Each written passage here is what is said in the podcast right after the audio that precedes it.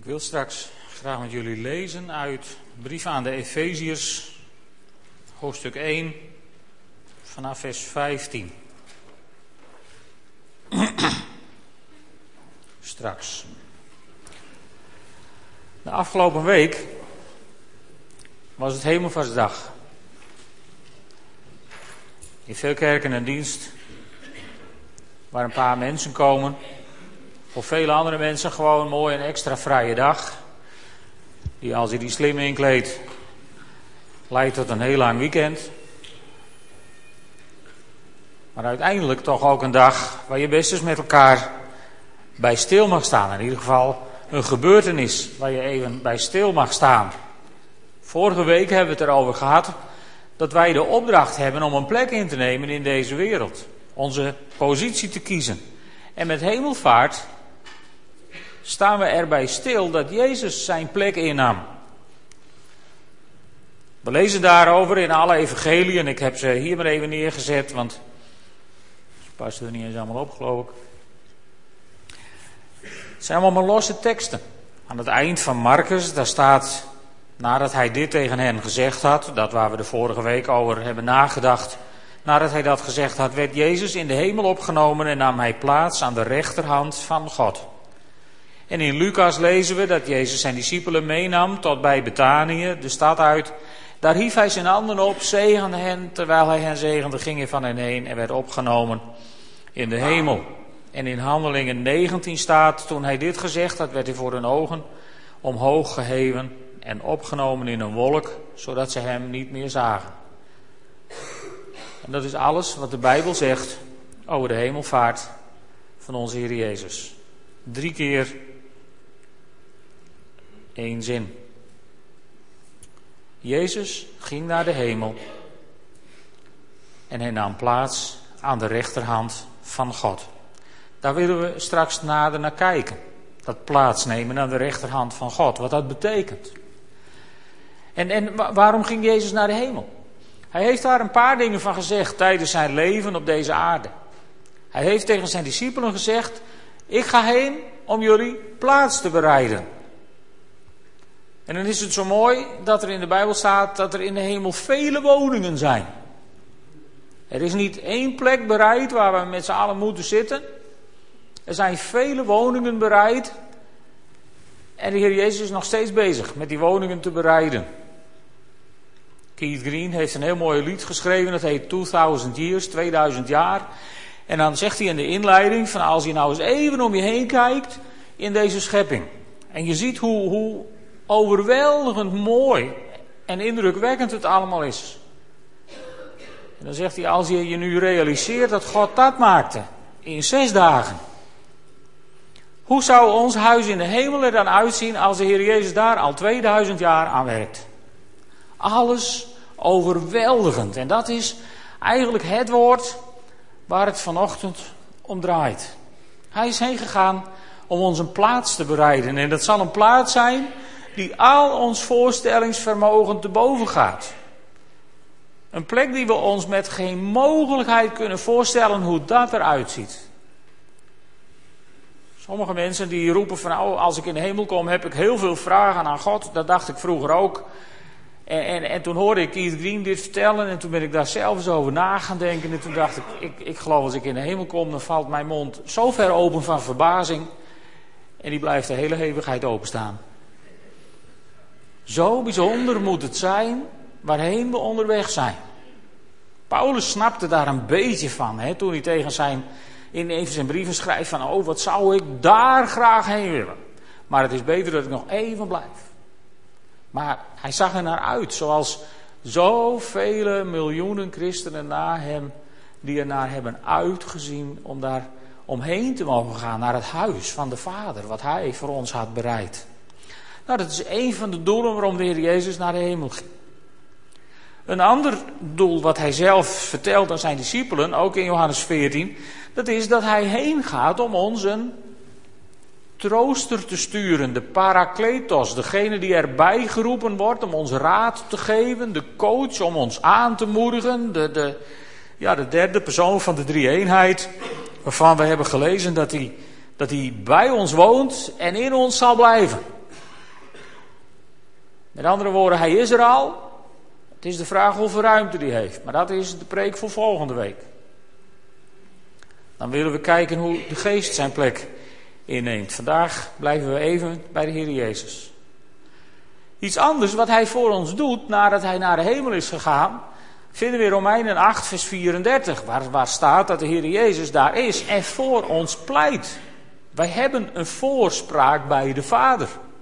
Misschien heb je wel eens het gevoel van nou heb ik het, nou heb ik het verpest, nou heb ik het verprutst. En dan komt er zo'n zachte stem, hè, er komt zo'n zo'n eng figuur even op je schouder zitten en je oor te tetteren. Nou heb je het verpest, nu kan God niet meer van je houden, nu bla bla bla bla bla. Dat kan niet, want de Heer Jezus zit aan de rechterhand van God en die pleit voor ons. Wij hebben de beste advocaat die er in het hele universum te vinden is. Hij pleit voor ons, dag en nacht. Opdat er geen veroordeling is voor hen die in Christus Jezus zijn. Mooi hè? Daarvoor is hij naar de hemel. En in Efeze 1, vers 20, daar lezen we ook dat God hem aan zijn rechterhand heeft gezet. Dus hij heeft zijn plaats ingenomen. En wat betekent dat nou? Nou, ik vond tijdens mijn zoektocht een hele mooie preek op internet van dominee Hans Burger van de vrijgemaakt gereformeerde kerk in Franeker. Nou, ik voel me ook helemaal vrijgemaakt, dus ik denk dat kan ik vast gebruiken. En dat heb ik hem ook gemaild en hij heeft ons veel succes toegewenst voor deze ochtend. En, en in die preek gaat hij uit van Efeze 1, vers 15 tot 23. Daar staat misschien wel het allermooiste omschreven wat de hemelvaart betekent. En dan ga je zoeken in verschillende vertalingen en ik, ik lees hem jullie uit de herziene statenvertaling. Vandaar dat hij even op de muur staat, want ik neem aan dat de meesten van jullie niet de herziene statenvertaling toevallig in de tas hadden vanmorgen. Dan lezen we hem even samen vanaf de wand.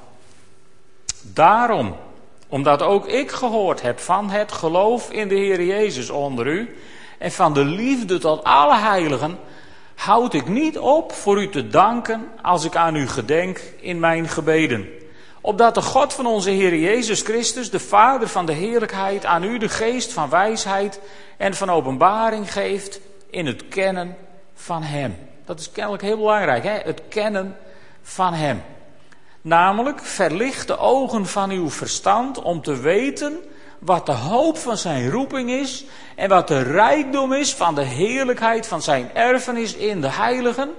En wat de, let op, de alles overtreffende grootheid van zijn kracht is aan ons die geloven, naar de werking van de sterkte van zijn macht die hij gewerkt heeft in Christus toen hij hem uit de doden opwekte en aan zijn rechterhand in de hemel zette ver boven alle overheid en macht en kracht en heerschappij en elke naam die genoemd wordt. Niet alleen in deze wereld, maar ook in de komende.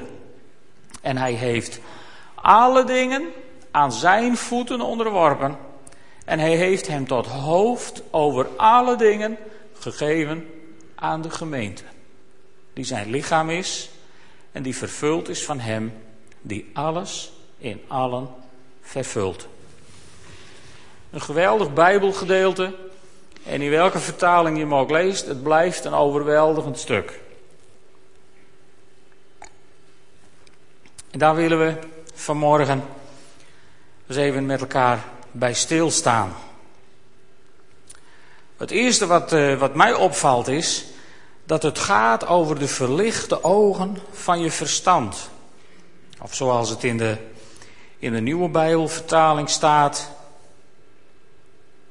Mogen uw hart verlicht worden, zodat u zult zien waarop u hopen mag. Mogen uw hart verlicht worden, zodat u zult zien. Prachtige woorden. En dan ga je nadenken, ja, wat staat er dan eigenlijk? Ik wil eerst even terug naar een tekst die de laatste tijd steeds weer terugkomt. Uit Lucas 24, vers 45. Voor zijn hemelvaart maar na zijn opstanding. Eigenlijk dus nadat Jezus al verhoogd was door God, alleen zijn plek op de troon nog niet had ingenomen. Dan staat daar in Lucas 24, vers 45, daarop maakte hij hun verstand ontvankelijk voor het begrijpen van de schriften. Zo staat hier in de nieuwe Bijbelvertaling. Als je dan opzoekt wat het woord begrijpen betekent, dan is, is eigenlijk het belangrijkste zinnetje wat er in de verklaring staat, is dat je dat wat je leest kunt plaatsen bij dat wat je ziet. Leuk hè? Dus niet alleen maar een bak vol kennis opdoen. Jezus heeft niet, niet, niet het verstand van geleerden geopend om ingewikkelde theologieën te ontwerpen. Nee, Jezus heeft het verstand van de discipelen ontvankelijk gemaakt voor het begrijpen van de schriften, zodat ze al lezende in de Bijbel van die aha-momenten zouden hebben en dat wat ze lazen zouden kunnen plaatsen bij wat ze hadden meegemaakt. En daarom snapten de discipelen ineens dat de Heer Jezus moest lijden en sterven en begraven worden. En dat hij op de derde dag weer zou opstaan. Toen snapten ze het ineens, want ze lazen het in de Bijbel en dachten: aha, waarom heb ik dat nooit eerder gezien? En de goede Bijbellezer onder ons, die zal die momenten ook hebben. Dat je de Bijbel leest en een tekst leest dat je denkt, waarom heb ik dat nooit eerder gezien? Want de Bijbel is een levend boek. Waardoor God voortdurend spreekt tot zijn kinderen. Dit soort momenten tijdens het Bijbellezen, dat, dat hoort er gewoon bij. En in Efeze 1 vers 18 hier lezen we dus, mogen uw hart verlicht worden, zodat u zult zien. Zo staat het in de nieuwe Bijbelvertaling, terwijl de herziene statenvertaling zegt, verlicht de ogen van uw verstand, om te weten. Grappig, want als je dit nou opzoekt, dat woordje wat met weten of met zien is vertaald, dan staat daar als eerste betekenis waarnemen met de ogen. En als tweede verklaring staat er dat je onderscheidt. Dus de gave van onderscheiding wil de Heer Jezus geven. Eigenlijk ligt dat dus heel dichtbij dat andere vers dat je gaat begrijpen wat je ziet. Maar ook dat je gaat zien wat je begrijpt. En ik denk dat we in, in, in de kerk worden, worden volgens mij. Nee, in, in de kerk ligt volgens mij de, de verleiding op de loer om één van de twee fouten te maken. Of we willen alles begrijpen en weten en we gaan voor de kennis en we houden er geen rekening meer mee. Dat God op deze wereld ook dingen wil doen die je kunt zien. En de andere kant is dat je zo gefocust wordt op de manifestaties, bijvoorbeeld van de Heilige Geest, dat je alleen maar meer wilt reageren op dat wat je ziet en het niet goed genoeg toetst aan het woord wat je hoort te begrijpen. Terwijl in Lucas 24 staat dat Jezus ons verstand zo ontvankelijk heeft gemaakt dat wat we zien en wat we lezen, dat we het bij elkaar kunnen brengen. Dat is nou net de kracht van een wedergeboren geestvervuld christen. Dat je de dingen bij elkaar kunt brengen. En dat je kunt onderscheiden. Daarom kon Jezus ook heel legitiem tegen zijn discipelen zeggen: Wees waakzaam. Wees wakker. Kijk uit je ogen, want die heb ik u gegeven. En Gods almacht is nu één keer zichtbaar in de schepping waarin wij leven. En in de gebeurtenissen in ons leven. Want als je goed oplet, dan zie je de hand van God vaak genoeg. En dat kun je dan plaatsen bij wat je weet uit het woord. Alleen als je niks weet uit het woord, dan ga je de fout in, omdat je gaat volgen wat je ziet.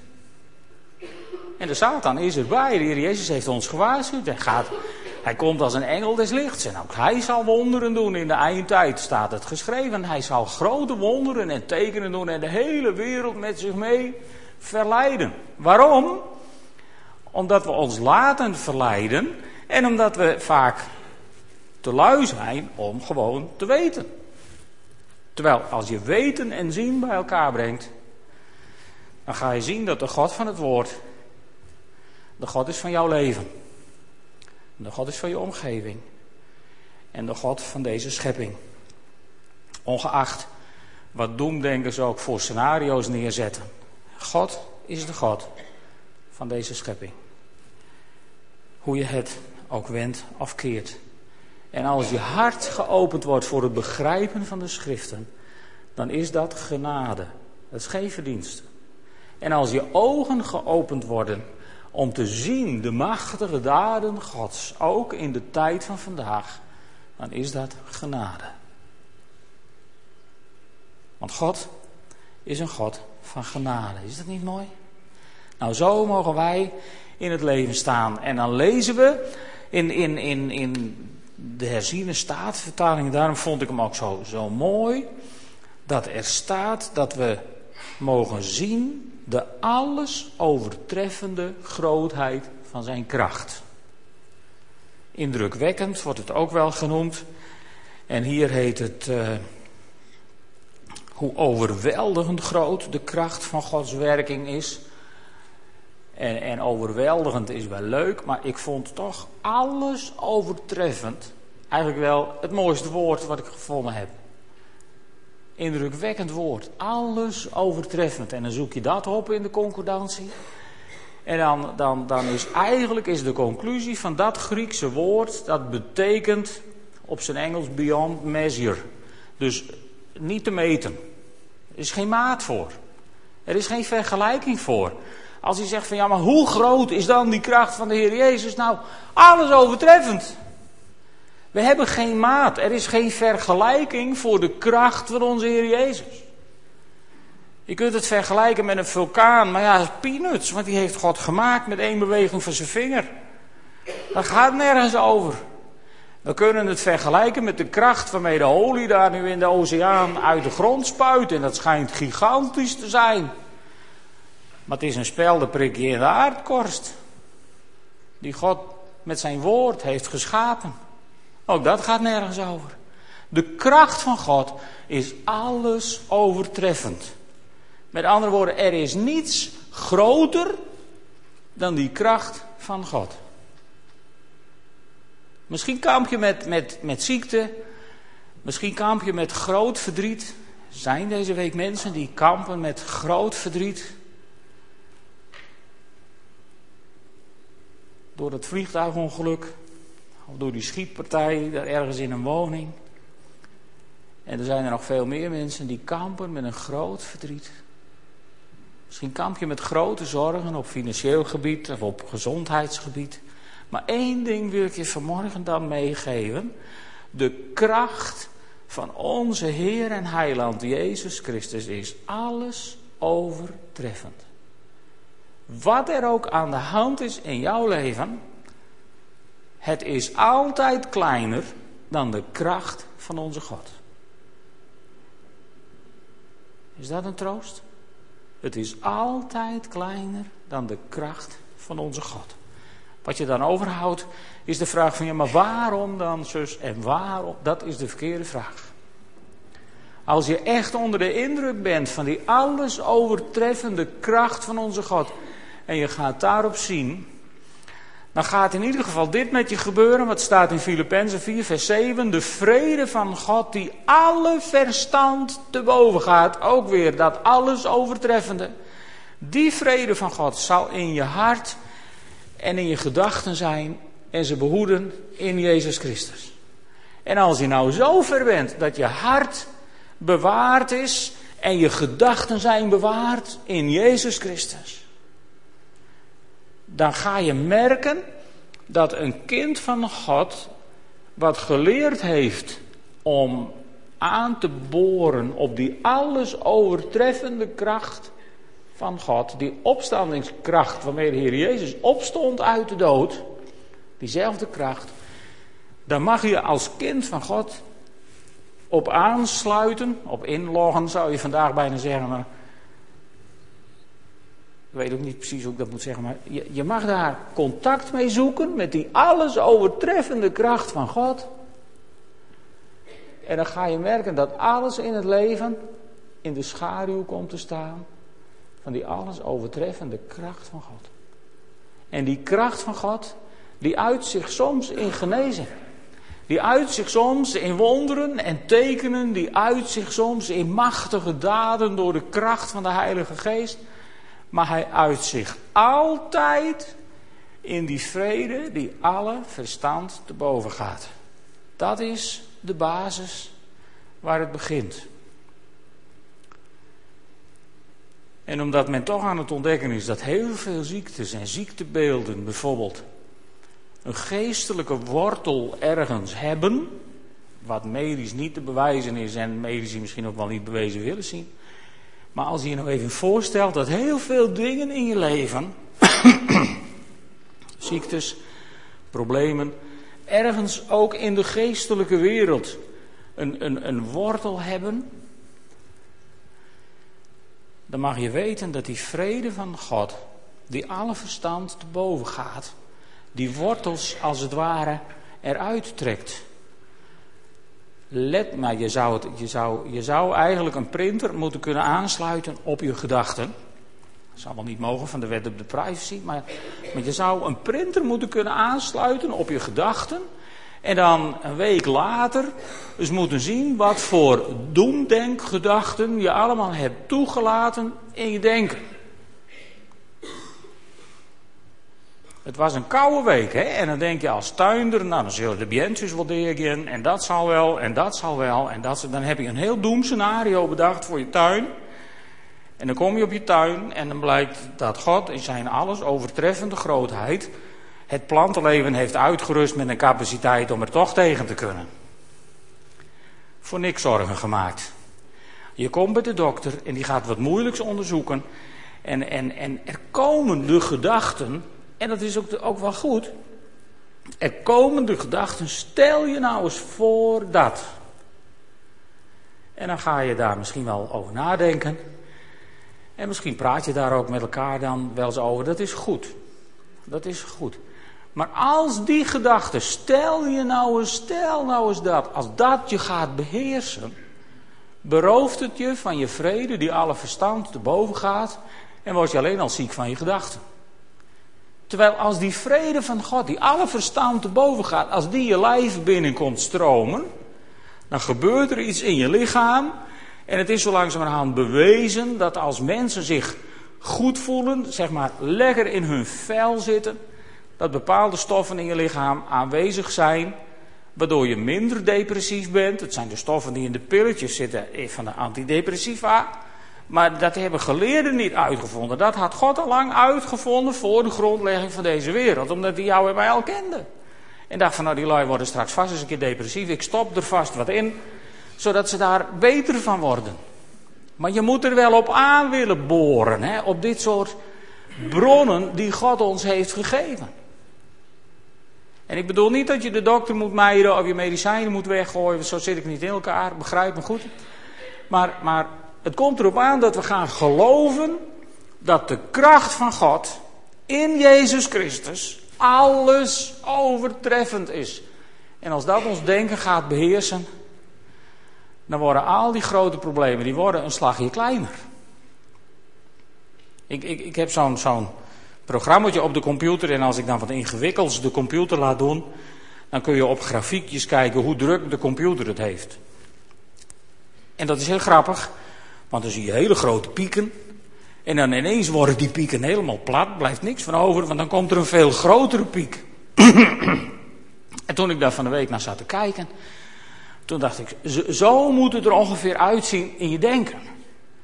Er zijn bergen en dalen en dan ineens komt die grote piek van de alles overtreffende trap van de kracht van Jezus Christus. En dan, dan worden al die anderen, daar blijft ineens niks van over. En toen dacht ik, ja, ja, als je op de Mount Everest staat, ben je niet onder de indruk van de Sint-Pietersberg, laten we eerlijk zijn. En volgens mij zijn dat de verhoudingen misschien nog wel veel groter. Alles overtreffend laat ik me ook niet wagen aan, aan vergelijkingen dan maar. En in die alles overtreffende kracht van Jezus Christus, lieve vrienden, is, is iets heel bijzonders aan de hand. En nu kom ik bij dat stukje van dominee Hans Burger. Weet je, Paulus bidt voor zijn lezers en hij wenst ze inzicht toe en hij wil ze bemoedigen. En hij zegt de opstanding van Jezus, die noemt Paulus als een bemoedigend voorbeeld. Maar vooral bemoedigt hij zijn lezers met de verhoging van Jezus Christus in de hemel. En om die verhoging gaat het. Die verhoging die is er al bij Pasen, dus het is al voor hemelvaart duidelijk dat Jezus tegen zijn leerlingen zegt: Mij is gegeven alle macht in hemel en op aarde. Dat roept hij niet na zijn hemelvaart naar beneden, nee, dat zegt hij al terwijl hij na zijn opstanding nog bij zijn discipelen is. Toen was het dus al een gegeven feit. En, en daardoor horen opstanding en verhoging bij elkaar. Maar goed, met hemelvaart vieren we vooral die verhoging van Jezus Christus. En hoe kun je dan bemoedigd worden door de hemelvaart? Nou, hij haalt dat vers aan waar ik in het begin bij heb stilgestaan. Mogen uw hart verlicht worden, zodat u zult zien. Zodat je zult zien. En dat is belangrijk, maar ja, die kracht van God. Weet je, soms kun je ontmoedigd raken in het leven. Soms ben je ziek en word je gezalfd met olie en bid je met elkaar in vol geloof voor genezing en je wordt zieker. Of je bidt voor de zegen op een operatie die de chirurg zal doen en die maakt een klein foutje. En het valt vreselijk tegen. En soms bid je God om wijsheid bij het nemen van een financiële beslissing. En je neemt die beslissing en dan komt er een kredietcrisis waar je ook niks aan kon doen. En dan valt het tegen. Soms heb je van die situaties waarin het lijkt alsof het leven je bij de handen om afbreekt.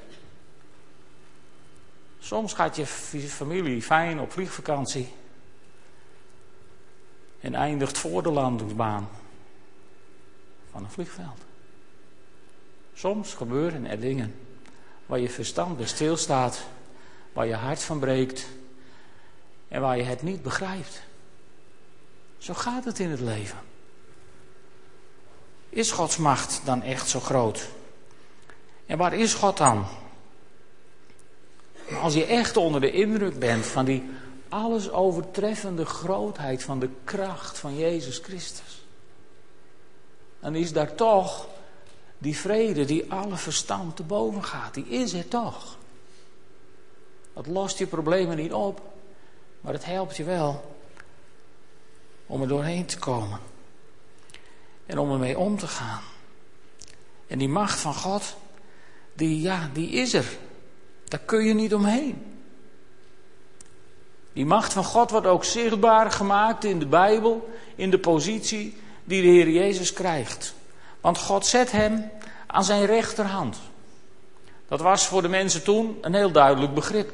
Degene die aan de rechterhand van de koning zat, die had daar de koning alle macht. Dat was de plek waar Jozef zat als onderkoning van Egypte. Het voorbeeld van de Heer Jezus. Dat is de plek waar de Heer Jezus zit als, als zeg maar tweede man, maar ja, dan kom je weer in conflict met de drie-eenheid. Dus laten we, laten we er niet om vechten vooral. Maar, maar hem is gegeven, alle macht. Hij mocht zitten aan de rechterhand van de Vader, van de God, de Schepper van hemel en aarde. Daar zit hij dan. En, en, en dan zie je twee wereldbeelden. Je ziet het wereldbeeld van die oude Russische cosmonaut, ik geloof dat hij inmiddels overleden is, Yuri Gagarin, die terugkwam van een ruimtereis en zei: Ik heb goed om me heen gekeken en ik heb God niet gezien, dus hij bestaat niet. Ik hoop dat hij zich bekeerd heeft en eh, hoe dan ook, hij is er inmiddels in ieder geval achter dat hij zich vergist heeft. Want weet je, God is er wel. Wij weten natuurlijk zoveel over de ruimte tegenwoordig met al die telescopen en die toestanden. En dan praten we over miljarden lichtjaren. Dan denk ik, dan zou dat licht hier nog niet eens kunnen zijn. Maar goed, kennelijk heeft God daar ook wat mee gegoocheld. En, en, en, en we weten van een heelal, denken we, wat ergens zijn grenzen heeft. En wat er achter die grenzen, hebben we geen flauw benul van. Misschien al zo'n heelal. Wie weet. En, en nergens vinden wetenschappers de hemel. Maar waar is dan de hemel? Heb je er wel eens over nagedacht? Waar is dan de hemel? Ik weet het ook niet, en, en dominee Burger die weet het ook niet, gelukkig. Maar wat we wel weten is dat de hemel er is. De hemel is een bestaand fenomeen. De hemel is niet, niet iets wat, wat niet bestaat. Maar waar is het dan? Nou, misschien is de hemel wel heel dichtbij. In ieder geval, als we het over de hemel hebben, hebben wij het over een dimensie die wij niet kunnen zien. En die wij niet kunnen begrijpen op dit moment. Maar de hemel is er. Misschien wel heel dichtbij. En als je verlichte ogen van je hart krijgt en, en in noodsituaties een beroep doet op God, misschien mag je dan af en toe zelfs wel even in de hemel kijken. Of iets van de hemelsferen in ieder geval zien. Als Elisa bij het beleg van Dothan staat, dan uh, zien mensen opeens legers van engelen. De knecht van Elia die het niet ziet. God bidt voor hem en zijn ogen worden geopend en hij ziet, ja, hij ziet een groot leger om de stad heen liggen. Heel bedreigend en heel gevaarlijk. Maar daaromheen ziet hij een enorm leger, veel bedreigender. Alles overtreffende grootheid ziet hij daar ineens omheen staan. Ziet hij, nou ja, dat leger die peanuts. En die vrede die alle verstand te boven gaat, komt in het hart van die knecht van Elia. En hij is niet meer in paniek, hij is niet meer bezorgd.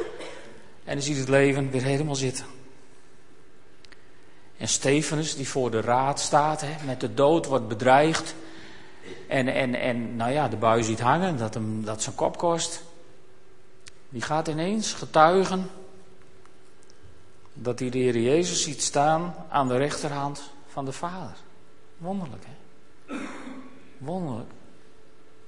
Leed Stefanus aan hallucinaties? Absoluut niet. God opende even zijn ogen om hem te bemoedigen voor, het, voor, voor, voor dat waar hij doorheen moest, de eerste martelaar worden, voor de naam van Jezus. En hij liet hem even zien wat zijn toekomst was. En Stefanus, die greep moed en die getuigt. Hij praat de sterren van de hemel, het redt hem niet. Zijn leven niet, tenminste. Maar dat komt. Er is meer dan ons zichtbare heelal. En, en niet alleen onze schepping, maar ook de hemel. De hemel, zegt dominee Burger, is de plek die alle aardse regelkamers, regiehokjes en controleruimtes overtreft. Het is de plek die de Trevenzaal, het Kremlin of het Witte Huis in de schaduw zet. De hemel, dat is de plek waar God woont en waar Hij de aarde regeert. En daar heeft Jezus Christus de ereplaats gekregen. En dat is niet alleen maar een symbolische plek met een ceremoniële functie. Nee, dat is werkelijkheid. Jezus Christus aan de rechterhand van God betekent dat hij de machtigste man is in het hele universum. Maar ja, dat zegt natuurlijk nog niet alles. President Obama, die denkt ook dat hij de machtigste man van het hele universum is. Maar in ieder geval de machtigste man van Amerika. En, en, en hij heeft een gigantisch leger heeft hij op de been in Irak en in Afghanistan. Maar ondanks zijn positie kan hij niet voorkomen dat er dagelijks honderden mensen sterven door zelfmoordaanslagen. En de Taliban en Al-Qaeda gewoon vlieren fluitend hun gang gaan. En dan kun je honderd keer de baas zijn van het grote leger en roepen dat het uit is, maar het is niet uit. En, en, en je kunt uh, Gordon Brown heten en denken dat je het grote rijk Groot-Brittannië bestuurt. En ineens ontdekken dat je je draagkracht kwijt bent, je draagvlak kwijt bent. En op moet stappen. Het kan maar zo. En zo is het niet met onze Heer Jezus Christus, die zit aan de rechterhand van God. Hij heeft een onbedwingbare positie. En wat hij niet wil dat er gebeurt, dat gebeurt er niet. Dat deel van, het, van, het, van deze wereld, dat deel wat heeft gekozen om onderdaan te zijn van Jezus Christus, zich aan Hem heeft onderworpen en, en, en, en, en de levenshouding heeft van Hij is mijn Heer, ik onderwerp mij aan Hem, dat deel van de mensheid wordt geregeerd door Jezus Christus aan de rechterhand van God. En Satan gaat wel rond als een briesende leeuw, zoekende wie hij zal verslinden. Maar als je dicht bij de Heer Jezus blijft, als je onder zijn controle blijft, is de duisternis kansloos om je uit zijn hand te grissen. Je kent dat gedichtje misschien wel, hè? Ik, ik, ik schrijf de namen van mijn kinderen in, of ik leg de namen van mijn kinderen in uw handen, graveer gij ze daarin met onuitwisbaar schrift, zodat niets of niemand ze ooit daaruit kan branden. Ook niet als Satan ze als de tarwe zift. Dit gebedje gaat er niet vanuit dat je onaantastbaar bent geworden, dat Satan je niet raakt, dat je niet ziek wordt, dat je kinderen nooit wat overkomt. Daar gaat het niet vanuit, want de schrijver van dat versje, die kent de wereld, de toestand in de wereld. Daar gebeuren dingen waar je niet blij van wordt en waar je niet, niet juichend over kunt zijn, maar je kunt wel juichend zijn over die ene zekerheid. Mijn Heer en Heiland Jezus Christus zit aan de rechterhand van de Vader op zijn plek en hij regeert de hemel en de aarde. En hij is de baas over mijn leven. En waar hij de grens trekt, daar ligt de grens. En niets en niemand kan mij ooit meer uit zijn hand wissen. Deze grote mannen die ik noemde, die, die denken dat ze heel wat zijn, maar bij Jezus is het veel beter. Dat moet je geloven. Sommige mensen denken dat, dat, dat de vader en de zoon heel neergeslagen op de troon zitten te kniezoren, omdat het hier op deze wereld zo slecht gaat en dat het zo'n puinhoop wordt. En, en, en, en af en toe, dat ze, sommige mensen geloven dat, dat, dat vader en zoon af en toe tegen elkaar zeggen: Ja, nou ja, de Satan is in één keer de baas op deze wereld, wij kunnen er ook niks aan doen. En de duivel wil heel graag dat jij dat gelooft. Want daar word je uitermate mismoedig van en daar krijg je de neiging van om dan het hoofd maar in de schoot te leggen. Maar de Satan is alleen baas op deze wereld over datgene wat zich vrijwillig aan hem onderwerpt. En als hij zegt, vriend, nee dat moet je niet zeggen. Als hij zegt, luister eens, het is nu gebeurd. Ik geef mijn leven aan de Heer Jezus. En ik leg mijn handen, ik leg mijn leven in de handen van hem die zit aan de rechterhand van de Vader op de troon. Daar leg ik mijn leven neer. Dan is de duivel uitgepraat. Dan is het sloes met de macht die hij over je heeft. En weet je, zo zijn ze in de hemel ook, ook bezig, niet te neergeslagen. Helemaal niet onder de indruk van die geweldige kracht van Satan. Want de kracht van de Heer Jezus is alles overtreffende grootheid. En daardoor wordt ook het grafiekje waar het piekje van Satan ervoor zit, wordt ook plat. Net zo plat als al het andere. En, en, en, en de Heer Jezus heerst. Tenminste in mijn leven. Ik weet niet hoe het in jouw leven is, daar ga ik niet over. Maar in mijn leven heerst de Heer Jezus. En ik dien geen andere Heer. En het is goed om dat elke keer weer te zeggen. En dan nog even iets over je positie. Jezus Christus is het hoofd van het lichaam. Ja toch? Hij is het hoofd. Moet je even goed vasthouden. En dan hebben we gelezen in Efeze dat, dat God alle machten en krachten en heersers en whatever, wat je kunt bedenken aan ellende, heeft de Vader onder de voeten van de Heer Jezus gelegd. Dat was net zo'n beeld dan aan de rechterhand van de Vader zitten. Toen snapten ze het wel. En als er iets onder je voeten lag, dan was dat volledig aan je onderworpen. Dat deed men met vijanden. Die werden op de grond gegooid voor de heerser en die zetten zijn voet erop. En dat was even, even om duidelijk te maken hoe de posities lagen. Nou, alle overheden, machten en krachten en heerschappijen zijn onder zijn voeten gelegd. Hallo? Dat gaat over mij en Heer Jezus. Dat gaat over jou, Heer Jezus. Dat gaat over onze Heer Jezus Christus. Over onze Heer en Heiland. Hij is ons hoofd. En alles is onder zijn voeten gelegd. En het leuke is, wat zit er tussen je hoofd en je voeten? Je lichaam. Of niet? Ik heb van de week alleen maar voeten gezien. Eigenlijk. Maar de rest staat er ook al vast. Maar tussen je hoofd en je voeten, daar zit het lichaam. En wie waren ook alweer het lichaam? Dan moet je niet als gelovige denken, ik kan het wel zonder kerk hoor, ik ben het lichaam. Nee, dat is een foutje. Een foutje, dat is een grove vergissing. Het lichaam is de gemeente van onze Heer Jezus Christus. De kerk. Welke kerk? De kerk. Alle mensen in de kerk die de Heer Jezus beleiden als hun Heer en Heiland en Hem zoeken, die vormen samen de kerk op deze wereld. Ho ecclesia, de geroepenen. Geroepen door de Heer Jezus Christus om Hem te volgen en Hem te dienen. En ik hoop dat u daarbij hoort. En als je nog nooit ja hebt gezegd tegen die roepstem van de Heer Jezus om Hem te volgen en Hem Heer van je leven te maken, dan is er vandaag opnieuw de kans om te zeggen, ja maar dat wil ik. Grijp dan een van, van, van, van ons aan bij onze lurven en zeg maar, ik wil vandaag zaken doen. Ik wil nu mijn leven geven aan de Heer Jezus. Dan gaan we met je bidden. En dan moet je eens opletten wat er in je leven gebeurt. Dan treed je toe tot het lichaam van de Heer Jezus Christus. Hij is het hoofd. Alle ellende van deze wereld ligt onder zijn voeten. En hij zit aan de rechterhand van de Vader. Nou, het hoofd zit niet alleen aan de rechterhand van de Vader. Met Prinsjesdag zit er nooit alleen een hoofd naast onze koningin. Er zit ook een lichaam naast. Begin je nu te begrijpen welke positie wij hebben als het lichaam van Jezus Christus in het universum? Begint het nu bij je te dagen waar wij zijn? Gij zijt een koninklijk priesterschap, zegt Petrus.